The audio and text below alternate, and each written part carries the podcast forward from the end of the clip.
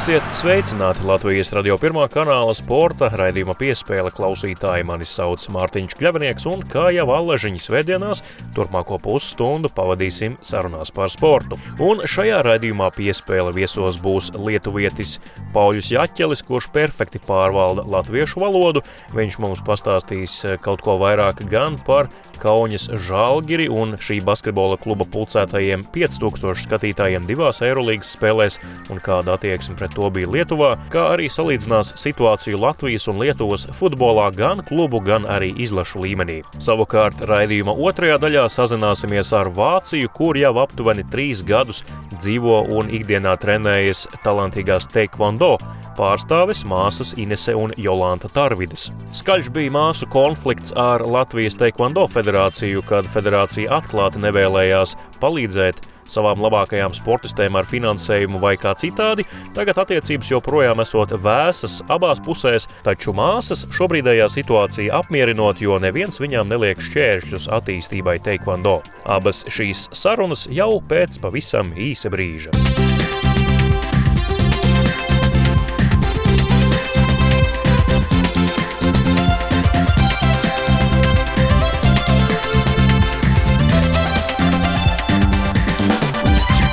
Jūs klausāties Latvijas radio sporta raidījumu piespēle studijā Mārtiņš Kļavnieks un ķeramies klāt jau iepriekš pieteiktajiem tematiem.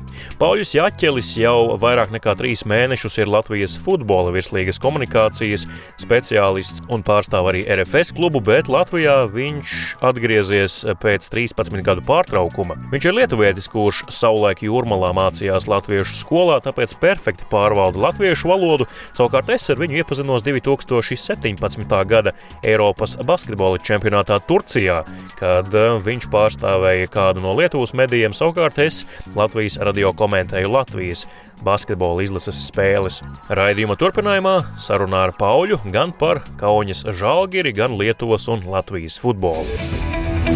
Latvijas radio pirmā kanāla sporta raidījums piespēle turpinās. Mārtiņš Kļavnieks tā vadītāja krēslā un eh, turpmākajās minūtēs parunāsim eh, ar lietuvieti, kurš ar mums sarunāsies skaidrā latviešu valodā. Un uh, parunāsim par sportu, gan par basketbolu, gan par futbolu. Tas ir Pauļus Jaķelis. Viņš ir šobrīd Latvijas futbola virslīgas komunikācijas uh, speciālists, vai ne? Sveiks, Pauļu! Sveiks, sveiks klausītāji! Jā, tieši tā. Arī par tavu tautību un valodu prasmi es eh, neesmu nošaus greizi, kā mēs dzirdam, skaidra latviešu valoda, bet eh, vārds uzvārds lietuvisks. Varbūt pavisam īsi, varbūt minūtes laikā klausītājiem pastāsti, kāda tad ir tā tava vēsture un kā tu iemācījies latviešu valodu un eh, tagad joprojām esi saistīts gan ar Lietuvu, gan ar Latviju. Viss ir ļoti vienkārši. Man bija seši gadi, tad ģimene pārcēlās uz Latviju, gāju latviešu skolā, pabeidzu astoņas klases latviešu skolā, pārsvarā Jurmalā. Tā arī iemācījos runāt latviešu, un tagad pēc 13 gadiem atkal esmu atpakaļ Latvijā, kur strādāju gan Optibet virslīgā, gan joprojām komentēju spēles no TV3 studijas, bet tas viss notiek lietuviešu valodā, un arī RFS klubam palīdz ar komunikācijas lietām. Īsais ieskats vēsturē, bet tagad ķeramies pie aktualitātēm. Pauļus sarunu uzaicināju, jo nu, viņš skaidrs daudz kompetentāk varēs mūsu klausītājiem Latvijā pastāstīt to, kas savukārt šobrīd notiek Lietuvā. Un pirmais no jautājumiem, protams, ir par Lietuvas lielu klubu basketbolā Kaunis Žalgiris. Daudzi Latvijā vismaz manā tajā sociālajā burbulī, eh, nu, dienas šausminājās par to, ka 5000 gan arī nu, pilna zāle tā nav zinot ietilpība, bet tik daudz cilvēku salīdzinot ar to, kas notiek Latvijā vispār eh, sporta un kultūras pasākumos, un kā bija Lietuvā, vai tur arī kāds apšaubīja to, kas notika Kaujas arēnā, ka tā gluži nevajag? Principā bija divi viedokļi. Bija cilvēki, kuri kritizēja, kuri teica, ka tas ir ļoti neatbildīgi, ko dara Kaujas Žalgiris kā organizācija. Un, protams, bija arī cilvēki, kuri teica, ka, ka klubs nepārkāpj nekādus noteikumus. Un runājot par visiem ierobežojumiem, principā nevar teikt, ka klubs eh, tiešām kaut ko darīja nepareizi. Jo eh, Lietuvā tajā brīdī, kad norisinājās eh, konkrētās divas spēles Eirolandā, skatītāju ierobežojumu nebija. Tātad tev vienkārši bija jāievēro viena metra distance, visiem skatītājiem jābūt maskās. Katrs cilvēks, kurš atnāk arēnā pie ieejas, viņam tiek mērīta temperatūra. Tas nozīmē, ka tiešām veidojās ļoti garas rindas pie ieejām. Pat cilvēki atnāca stundu pirms spēles, un daži no viņiem iekšā arēnā tika sākoties spēlē. Respektīvi, klubs, man liekas, no savas puses izdarīja visu, ko vien varēja. Arī katrs skatītājs, kurš atnāca, piemēram, uz pirmo aerolīgas spēli bez maksas, saņēma kluba oriģinālo masku. Bet, nu, tomēr, no otras puses, skatoties, tie 5,5 tūkstoši skatītāji, tas tomēr ir ļoti liels skaits un viņus visus izkontrolēt. Man liekas, mēs visi saprotam, ka tas nav iespējams. Tomēr tas risks bija ļoti liels. Un es, piemēram, ja būtu bijis to brīdi Kaunijā, lai arī man ļoti patīk basketbols, es uz tādu spēli personīgi nebūtu gājis. Tev kāds pazīstamais bija arēnā? Jā, man bija paziņas, kuri bija arēnā, kuri bija uz spēli un kuri tieši to pašu teica, ka kā viss ir kārtībā, bet no otras puses tomēr ir dažādas situācijas pie ieejām, pie izējām, kur tomēr ievērot to visu distanci nav iespējams. Turklāt arī, nezinu, varbūt arī Latvijā kāds noteikti vēroja šo spēli tiešraidē. Nu, arī, kad parādīja tuplānā fanus, nu noteikti ne jau viņi visi bija godīgi ar maskām, dažs labs kaut ko kliedza bez maskas un tā tālāk. Un, Klubs no savas puses, piemēram, savu lielo kubu arī pārtraukumos, minūtes pārtraukuma laikā, viņi kā medīja cilvēks, kur ir bez maskām, un tādā viņus vienkārši parādīja uz lielā ekrāna. Un, kad tribīnēs cilvēki redz, ka kāds ir bez maskas, viņi uzreiz sāk taisīt būvu, cilvēks uzliek masku. Nu, it kā klubs no savas puses atkārtošos, tiešām visu izdarīja korekti, bet man liekas, ka tomēr tas riska faktors šādos apstākļos, kāda šobrīd ir tajā sporta pasaulē, pandēmijas pasaulē, man liekas, tas ir vienkārši nevajadzīgs risks. Un, principā, Tagad, pēc tam vairākām dienām, kad Lietuvā jau ir stājušies spēkā jauni ierobežojumi, principā to visu arī atzīst, ka tas nebija īsti pareizi. Labāk būtu laiduši iekšā varbūt 1000 vai 2000 cilvēku, kurus attiecīgi arī kontrolēt būtu daudz vieglāk, nevis tos 5-6 tūkstošus. Jā, pastāstīja, kādi ir tie aktuālie ierobežojumi šobrīd Lietuvā. Es saprotu, ka no piekdienas, mūsu saruna notiek ceturtdienā.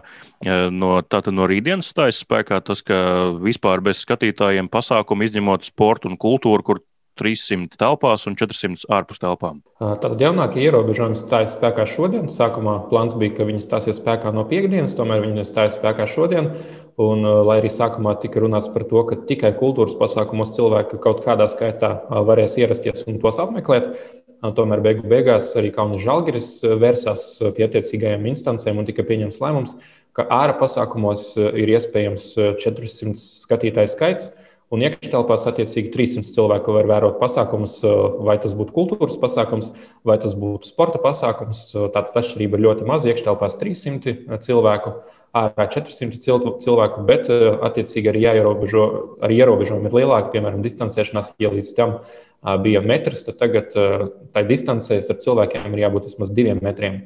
Un viss pārējie pasākumi ir aizliegti. Pat bērni arī vairs nevar iet uz pulciņiem, uz basketbolu, futbolu. Tā kā tā situācija strauji pasliktinās. Pirms šiem ierobežojumiem, kas stājās spēkā, kad tos izskatīja, es saprotu, ka Kaunis Žalgiris vadība arī vērsās pie valdības un teica, atļaujiet mums 2000 laist arēnā, vai ne? Jā, viņi izplatīja paziņojumu, ka viņi uzskata, ka 2000 tas varētu būt tas pareizais skaitlis, cilvēku skaits, ar kuru viņi tiktu galā. Viņi teica par to, ka uzliesmojumi nekāda arēnā nav konstatēta viņi nav pārkāpuši nekādus likumus un uh, visu ir ievērojuši, ir iegādājušies arī attiecīgās iekārtas, dažādas temperatūras mērīšanai un tā tālāk, lai tikai tas viss varētu norisināties.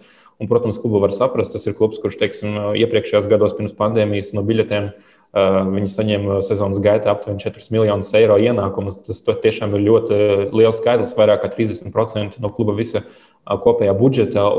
Šogad viņu plāns bija tajā plānā, ko viņi prezentēja oficiāli mēdījiem pirms sezonas. Ja tagad pareizi atceros, bija 2,5 miljoni no biļetēm. Tāds bija plāns, bet, protams, viņi teica, ka tas ir risks. Mēs saprotam, ka ir pandēmija. Kāda vispār ir tā nostāja Lietuvā? Nu, tu jau arī zini, kas Latvijā notiek, cik ir interneta karotāju pret maskām un dažādu konspirāciju teoriju meklētāju, ka Covid-19 vispār neeksistē. Bet eh, Lietuvā arī ir tādi nu, ekstrēmisti, kuri apgalvo, ka Covid nav, valdība zog naudu, nevalkāsim maskas. Diemžēl, jā, tādu cilvēku ir, un tādu cilvēku ir daudz vairāk nekā es gribētu, lai viņi būtu. Arī viens kolēģis Lietuvā žurnālists vakar tieši pilsētā vienkārši taisīja īsās intervijas ar cilvēkiem, kuriem nebija masku un jautāja, kāpēc jūs esat bez maskas un pārkāpjat noteikumus. Ļoti bieži atbildi bija tāda, vīrusu nav, jūs gribat čipot un tā tālāk kontrolēt. Nu, tās ir visas tās muļķības, man liekas, es nevienam slikti nenovēlu, bet to visu redzēt ir diezgan sāpīgi. Man liekas, ka labāk jāsaudzē gan pašiem sevi, gan arī apkārtējos. Un jāpadomā, ka tomēr vīrus ir tāda lieta, kur tu atbildi ne tikai par sevi, bet, eh, ja tev liekas, ka tā vīrusa nav tikpat laba, tad viņu pēc tam var pielipināt kādam citam. Tas ir ļoti bezatbildīgi. Un Pietiks par vīrusu, pietiks par varbūt netik patīkamām lietām. Par basketbolu mēs druskuļi parunājām Kaunas žālgiras sakarā. Par futbolu arī droši vien mums jāparunā, jo ar to tu šobrīd ikdienā esi visvairāk saistīts. Kā tu vispār novērtē to priekškaru otru pusi, ko neredz līdzjutējs, respektīvi to, kas notiek aizkulisēs, kā tiek organizēta līga, kā notiek visi šie futbola procesi par un ap augstāko līgu Latvijā un Lietuvā. Nu, es pats arī esmu strādājis Lietuvas eh, komunikācijā, vadījis Lietuvas čempionāta komunikāciju. Agrāk tas tiesa bija 2016. gadā.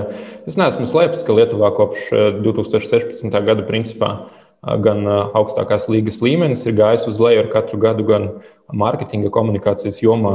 It īpaši viss ir aizgājis lejā, vienkārši samazinājās finanses. Kopš 16. gada sezonas Lietuvas augstākajai futbola līgai nav ģenerāls sponsors. Principā tas daudz ko izsaka.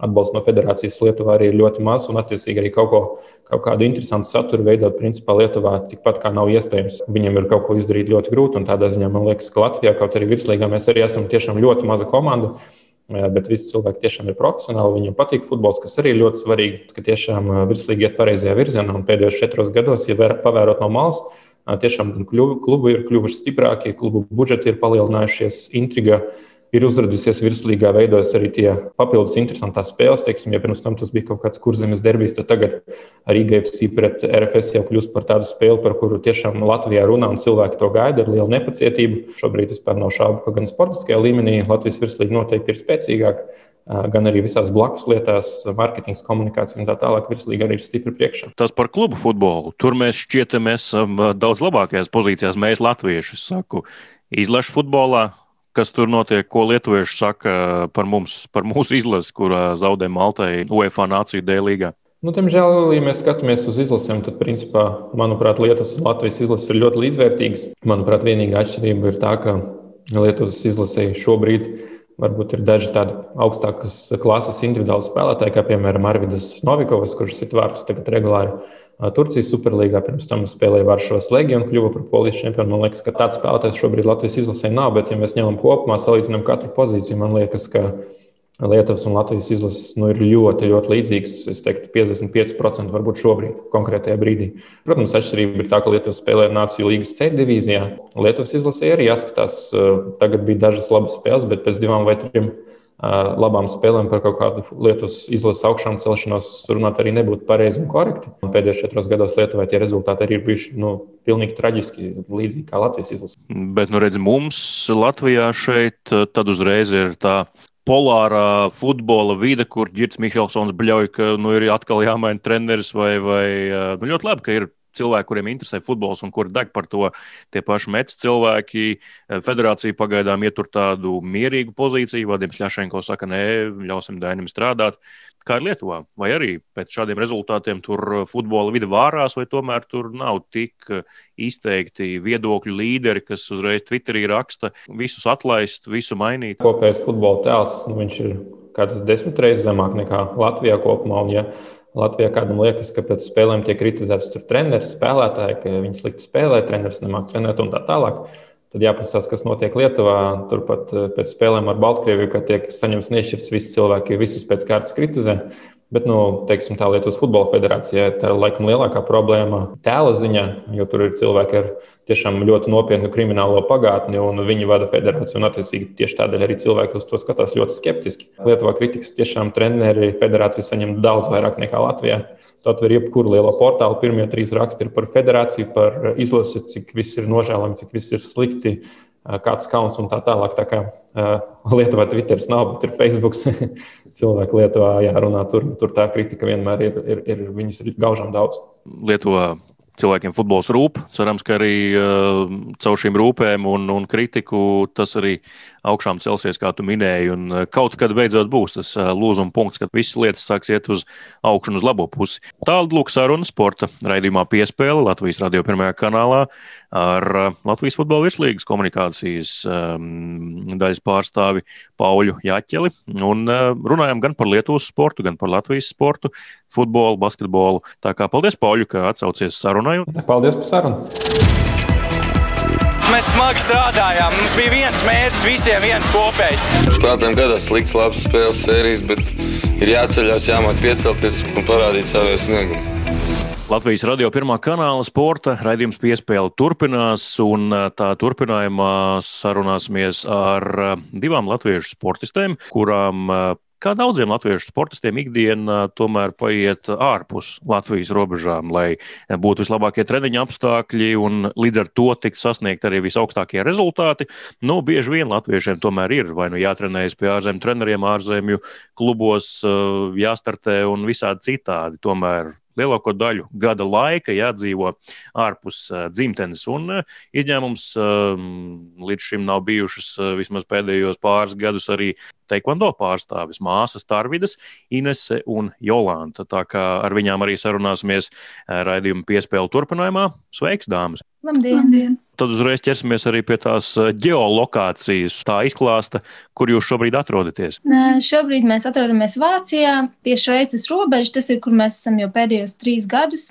Trīs, ja? Jā, pilsēta Friedrichshafen. Jā, Šeit arī mēs pašlaik uzturamies. Jā. Nav jau uh, pirmā diena, un diezgan krietnes laika daudzums jau tur ir pavadīts. Tas nozīmē, ka tur jau katru stūrīti jau zināt uh, pilsētā un kopumā reģionā. Jā, teiksim, jā. Plus mīnus. Tur ir meitenēm ko darīt. Nu tā, jaunām 20 gadniecēm arī brīvajā laikā. Mums diezgan maz tas brīvais laiks. Mēs principā tā kā pilna laika mm, sportists esam, tāpēc arī diezgan uh, trīs reizes dienā trenējamies. Un, uh, tā īsti. Nu, jā, brīvais laiks ir tīri atpūtai un atpūtai no treniņiem. Lai atgūtu spēkus atkal nākamajiem treniņiem. Tieši tā, jā. Mm -hmm, jā. jā, nu par to arī šīs sarunas gaitā parunāsim par tiem um, jūsu mm, līkločiem un ceļu uz virsotnēm. Abas divas esat um, māsas ar nelielu gadu starpību. Uh, tur sanāk nepilni divi gadi vai ne? Pusotrs pat. Jā, pusotrs, jā. Tas bērnības starts, kad jums uh, uzsākās teikvando ceļš. Um, abām vienlaikus uh, vai tomēr uh, vecākā māsa rādīja priekšzīmu un jaunākā pēc tam sekoja? Mēs abas divas reizes sākām trenēties. Jā, jā. man bija seši gadi, ja nemaldos. Un... Man bija septiņi, jā, tomēr reizē sākām. Jo mēs bijām jau no paša sākuma, kā, nu, es esmu vecāka, bet mēs kā gan viena auguma, vienādi kā augām, un tad uh, arī reizē sākām trenēties. Tā kā daudz mūs pat dvīnēm savukārt, domāju, ka mēs esam dvīnas tajā laikā. Lai gan vizuāli nemaz tik līdzīgas varbūt arī neesat. Nu, Varbūt tā kā mazāks. Tas, kad bijām, mazāks jā. bijām, jā, tad bija grūti. Māma citreiz vienāds drēbes pirka. Mm -hmm. tad... tad tās mazās dvīnītas starvidas, tās ir, jā, visi domāja. jā, jā. Bet, eh, kad tas perspektīvas grauds parādījās tajā visā teikvando stāstā, kad tas kļuva no eh, hobija par uh, domu, ka tas varētu būt jūsu dzīvesveids un nodarbošanās? Tā nopietnāk, varbūt mēs sākām pievērsties kādā 2013. gadā, varbūt. Jā, aptuveni ap to laiku, kā, kad mēs kādus sešus gadus jau bijām trenējušās. Kā... Tas būtu tad, kad mēs arī pārgājām trenēties no, jo mēs uzaugām Bauskā un tur mēs sākām trenēties teikvando, bet tad, tad, kad mēs sākām trenēties Rīgā, tad es teiktu, ka tur, tur sākās nopietnāki treniņi, nopietnākas sacensības. Un, jā. Nu, teikvando vispār, nu, tajā aprakstā par šo cīņas mākslas veidu tomēr uh, tiek uzsvērts, ka tā nav primāri cīņas māksla, bet tā tomēr ir prāta māksla, lai uh, visu sevi sakārtot un disciplinētu. Kā jūs, kā teikondo pārstāvs, raksturotu, kas tad tas īsti ir? Teiktu, tīpaši mazotnē, te, kad tu sāc trenēties teikondo, tur ļoti būtiski ir tas um, tā disciplīna, disciplīna ko jā. treneris no mazotnes ieliek. Un, uh, Tas ir pats svarīgākais, kamēr tu esi mazs. Bet uh, tagad, jau, kad esam izauguši, protams, nevienam mūs nav jākontrolē, un tas viss tā aizgājis. Ir. Bet es domāju, tam iesākumam tie, mm -hmm. tie visi tie pamatprincipi, tā, tā korejiešu tā mācība mm -hmm. un kas tur. Disciplīna un tā kā darba ētika, kaut kas mm -hmm. tam mhm. līdzīgs. Nu, droši vien, ka par visiem tā nevar teikt, bet no 99% teikvando pārstāvju ir tādi ļoti dzelžaini, disciplinēti un grafiku mīloši cilvēki arī dzīvē. Ja? Jā, tā varētu teikt. Jā, jo mm. it īpaši trenējoties profesionāli, mm. kā mēs to darām, tai jābūt ļoti lielam gribas spēkam mm. un disciplīnai, lai vispār to darītu. Jo tiešām nav viegli, it īpaši te, ko mēs darām Vācijā. Gan treniņu darbs ir ļoti smags, gan arī bieži vien ir tā svara mešana pirms sacensībām un tā diētas ievērošana. Mm. Un viss tas kopumā Tai svara mešanai mēs vēl pieskarsimies arī sarunas turpinājumā. Tas ir ļoti interesants temats. Es pieņemu, ka daudz Latvijas radio klausītāji ir dzirdējuši par māsām Tarvidām. Sportiski, protams, tādēļ, ko jūs jau esat sasniegušas katra savā karjerā, bet iespējams, ka pat tāds nesporta līdzutējs vairāk ir dzirdējis par nesaskaņām starp Teikondo federāciju un jums. Nu, to, ka federācija īsti negrib iet to ceļu, ko jūs vēlaties, lai gan jūs esat talantīgas un arī rezultātu nesošas, bet nes kāpēc federācija jūs nevēlas atbalstīt. Un tā klāja kliedzoši nevēlas atbalstīt. Varat pastāstīt, kāda ir šī brīža situācija? Cik vispār jums ir komunikācija ar federāciju un cik jūs esat pašas kā planētas savā orbītā riņķojošas? Nu, es teiktu, ka tas, kā, tas sliktākais ir jau aiz muguras. Tagad drīzāk mums ir tādas pilnīgi neitrālas attiecības. Tā kā mēs, nu, var teikt, vispār nekomunicējam un arī nekādu atbalstu īpaši no viņiem negaidām. Un... Pareizs solis bija, ka mēs atbraucām uz Vāciju, un šeit mūs, kad mēs sākām šeit trenēties, tad arī tie rezultāti sāka augt. Līdz ar to mēs esam Latvijas Olimpiskā, Olimpiskās vienības sastāvā, un tur mēs saņemam ļoti labu atbalstu. Un arī šeit Vācijas klubs mums, mūs atbalsta, un tad līdz ar to tas viss izlīdzinās. Un pat ja tā situācija nav ārkārtīgi veiksmīga mums ar federāciju, tas īsti mums netraucē. Ir tur šādas tādas situācijas, mums ir viņiem jāraksta e-pasti, tur, lai piesaku uz sacensībām. Tas arī apmēram būtu viss, tā visa mūsu komunikācija ar federāciju. Bet tā diezgan absurdi, nu, ka federācija iet pret savām labākajām sportistēm vai vispār ignorē viņas. Mēs cenšamies par to vairs nedomāt un vienkārši koncentrēties uz savu treniņu darbu. Un, uh, līdz ar to tad, jā, galvenais ir tas, ka mēs esam tālu no tā visa. Un tad arī mums tās problēmas mazāk jūtās, nav tas stress, kā tā, ka mēs vēl dzīvojam Latvijā. Mums tur vairāk sanāca izjust to visu. Nu, vēl Latvijā esot, cik tad uh, asaru izraudājāt uh, federācijas dēļ? Daudz.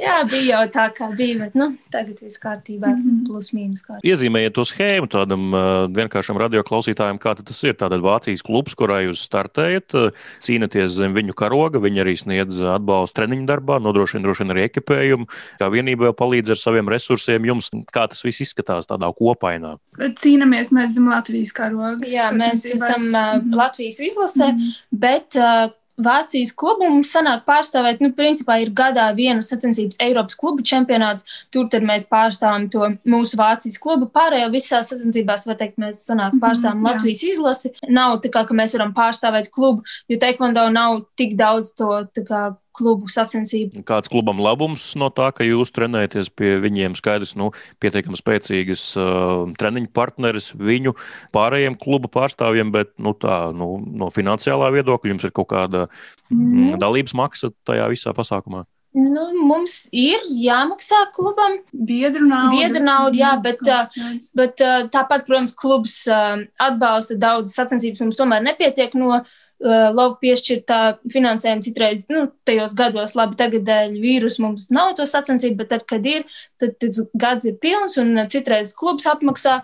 Bet uh, tā doma šeit ir tāda, ka um, šajā klubā trenējas no daudzām pasaules valstīm elites sportisti, un, protams, ka mēs arī palīdzam tiem pašiem Vācijas sportistiem, kas šeit trenējās, jo tad mēs izveidojam tādu profesionālu vidi viņiem. Redz, kur mēs jau pieminējām to svara mešanu pirms sacensībām, diezgan aktuāls temats tas ir cīkstoņiem, jo nu, te arī daudz dažādi pētnieciskie raksti pēdējā laikā ārzemju medijos parādās par MMA cīkstoņiem, tiem pašiem, kas uh, UFC sacenšas un uh, bokseriem, visiem pārējiem. Nu, viņiem tur jau, protams, ir drastiski tie skaitļi, kas ir jānomet reizēm ļoti īsā laikā, pāris dienās, desmit kg pat gadās, un tad no viņš uz svariem kāp tāds knapi tur vispār dzīvību sevī savācis. Kā jums ir ar to svaru mešanu, teikondo, cik tas vispār ir tāds drastisks process un kādi varbūt ir pašu individuālie tādi pēdiņās rekordi, no cik daudz kilogramiem ir bijis jāatbrīvojas īsi pirms sacensībām? Ir tāda lieta, ka agrāk, kā pirms pāris gadiem, tā svara mešana bija vēl tāda liela problēma, jā, un tiešām ļoti daudz liels svara daudzums meta, bet uh, tagad mums ir tāds jauns noteikums, ka ir svēršanās dienu pirms sacensībām un sacensību dienā nedrīkst būt vairāk par 5% no tās svara, kādā kategorijā tu esi. Kā, nu, nedrīkst pārāk daudz svaru mest, kā, ka, kā tas mazliet ierobežo to problēmu. Tas ir jā, Pasaules Taekwondo federācija šo te jauno noteikumu mm. nu, jau gadu kā tas noteikums ir. Tik daudz svaru vairs nu, neatļauj mest, jo tomēr teikvando ir olimpiskais sporta veids, un viņam jābūt tādam drošākam. Nekā, protams, tā, tā drastiskā svara mešana agrāk nu, bija, bet tagad uh, vairs nav, nav iespējams nemaz, jo vienkārši noteikumi neatļauj. Ir bijis, es esmu metusi nedaudz vairāk, laikam, septiņus vai astoņus vienu reizi, bet tas bija priekš pasaules čempionāta. Tagad iekopjam tādu ne tik. Ne vairāk kā trīs, četras, jā, jā, nu, trīs, četras, četri. piecas, Mhm. varbūt man. Tas ir tā, Jolantai. ka pašsajūta ir pret, pilnīgi tāda pati, tā kā nekas, ne veselības problēmas, ne tā kā viss ir Mhm. pilnībā normāli. Tomēr mums tā iet tā uz robežu. Nu, ne, nekas jau tur baigi veselīgs tāpat nav no tāda profesionāla sporta. Un, protams, kad, tad, kad piemēram, būs atkal nu, pasaules čempionāts vai Eiropas čempionāts, man būs jāiet uz to mazāko kategoriju, kurā es tā kā vairāk sev redzu, izredzes ā, iegūt medaļu. Un tad jau atkal tā svara mešana būs. Un, Eh, Tad arī varbūt pastāstiet katra, kāda tad ir tā jūsu mērķa svara kategorija, kurā tad uh, mēs jūs redzēsim, tad, kad atsāksies sacensības. Šajā gadā es nomainīju kategoriju tieši uz augstāku. Šobrīd startēju kategorijā līdz 62 kg, un tā kā man praktiski ir jāmet kādi tikai 2 kg, un tas ir ļoti viegli un bez problēmām es to daru. Jā. mhm. un olimpiskā Un kategorija. olimpiskā kategorija man būs līdz 67 kg. Tas nozīmē, ka tur man vispār nav jāmet svars. Tur brīvdienas, bulciņas varēs. Nu jā, tad mums iedalās tas, ka uh, ir vienkārši tās svara kategorijas, un tad ir olimpiskās svara kategorijas. Jo Olimpiskajās spēlēs ir mazāk to svaru kategoriju, tikai četras. Tad uh, tur mums sanāk es līdz 57 kg, Jolanta līdz 67. Bet uh, tur, kur piemēram uz pasaules čempionātu un Eiropas čempionātu, es metīšu svaru uz 53 kg. Mm. Kā tiek organizēts mājas solis, tā saucamais. Nu, YouTube es redzēju, ka Ines tur arī savu ēdienu kārtu atrādīja. Kā jums tie mājas darbi ir sadalīti, kura, kura gatavo, kura, nezinu, izņem putekļu sūcē, iztīra iz, istabas um, no putekļiem un gružiem. Šobrīd mēs dzīvojam atsevišķi, tā kā katra mēs tos savus mājas darbus pa, paši pildām. Jā, jā, jā. Es gatavošanu šeit, tad, kad esam kopā, tad uh, kura pie kuras ciemojās, tā tad arī gatavo. Bet uh, mums ir tomēr labāk jo, mm, dzīvot atsevišķi, jo sadāk sanākt šausmīgi daudz strīdēties, ja mēs kopā dzīvotu. Jo šeit um, mums ir uh, iespēja dzīvot, nu, tā kā ko klubs mums piedāvā par velti. Mēs varam dzīvot vienā istabā, bet uh, to mēs kā, tomēr izvēlamies, ka Jolanta dzīvo šeit, un es pati īrēju. Un tad mēs eh, tad tikai tiekamies, tad, kad gribam, un treniņos kopā trenējamies, tad tās attiecības arī krietni labākas ir. Un citreiz mamma atsūta kādu paku ar Latvijas kaut kādu ēdienu, nu, nu tā, kaut ko tiekam pie kaut kādiem Latvijas mm. uh, gardumiem arī citreiz. Un, uh, Un arī paši vedam līdzi pēc tam, kad braucam no Jā, Latvijas. jā. Citreiz uznāk tā, ka uh, šausmīgi pietrūkst tā kā dzirdēt to latviešu valodu, tad uzliek kādu latviešu dziesmu, paklausos citreiz mājās. Bet nu, mums labi vienotrai esam, tad arī, nu, kad, um, kad gribēsim, varam parunāt savā starpā. Tad neaizmirstās ne tā valoda, neko, tad jau viss labi. Par olimpisko ceļu. Katrai no jums uh, gan jau ir kaut kāds tāds um, iedomātais, kā tas varētu viss izskatīties, bet varbūt pastāstiet, kā jūs katru to esat iedomājusies. Kā nokļūt Tokijā? Šobrīd diezgan grūti teikt. Cerams, ka nākamgad tiksim uz kvalifikāciju. Kas It kā jau kvalifikācija plānojās janvārī, bet nu, skaidrs, ka atkal tiks atcelt. Jo, nu, Mhm. tas grūtākais tas, kad mēs, uh, mums visu laiku jābūt labā formā, Mhm. un mēs trenējamies un gatavojamies. Īsti nezinām, tagad, kam mēs īsti gatavojamies, jo nu, nekas jau nenotiek. Visas sacensības tā kā atceļās vai pārceļās. Visu laiku ir jābūt formā, visu laiku dien dienā turpinām tāpat kā vienmēr, tāpat kā sacensību laikā, tāpat arī tagad divas līdz trīs reizes dienā trenējamies un uh, mm, esam labā formā tagad. Tā kā ja atsāktos kādas sacensības būtu prieks, bet. Uh, Katrā ziņā esam Nezinu. gatavi startiem, bet tikai ir jāgaida informācija. Tāda lūk Latvijas radio pirmā kanāla sporta raidījuma piespēles sāruna ar Teikvando cīkstonēm, māsām Inesi un Jolantu Tarvidām. Paldies, um, ka atradāt laiku uh, savā treniņu procesā arī uh, parunāties ar Latvijas radio. Uh, bija prieks, jo, nu, šķiet, Latvijas um, radio jums uh, vēl nebija devis ruporu, lai izteiktu savus domas, un Aleži ir uh, ļoti patīkami parunāt ar uh, kādiem uh, Latvijas sportistiem, ar kuriem vēl nav uh, saruna notikusi. Cerams, ka pandēmija akadēmija mitēsies, ka jums būs pilnvērtīga olimpiskā kvalifikācija, caur kuru tad arī nokļūsiet vēlāk arī Tokijas Olimpiskajās spēlēs, kas arī cerams notiks pietiekami normālos apstākļos. Cerams, ka tā būs. Paldies Inesai un Jolantai par sarunu, un tad jau tiekamies kādu citu reizi. Paldies! Visu labu! Līdz ar to arī izskan šīs nedēļas sporta raidījums piespēle. Studijā biju es Mārtiņš Kļavinieks par labskaņu parūpējās Nora Mītspapa. Pirms atvados vēlreiz vēlos atgādināt, ka Latvijas radio sporta raidījumu piespēle varat klausīties arī Latvijas radio mājaslapā meklējot to arhīvā vai sadaļā piespēle, kā arī to varat meklēt jebkurā sev ērtā aplāžu jeb podkāstu lietotnē. Tas novembra pirmajā sporta raidījumā piespēle arī viss. No jums atvadās Mārtiņš Kļavinieks, bet pēc nedēļas jūs caur radioaparātiem jau sveicinās mana kolēģe Inita Krēsaka Kovska. Uz sadzirdēšanos!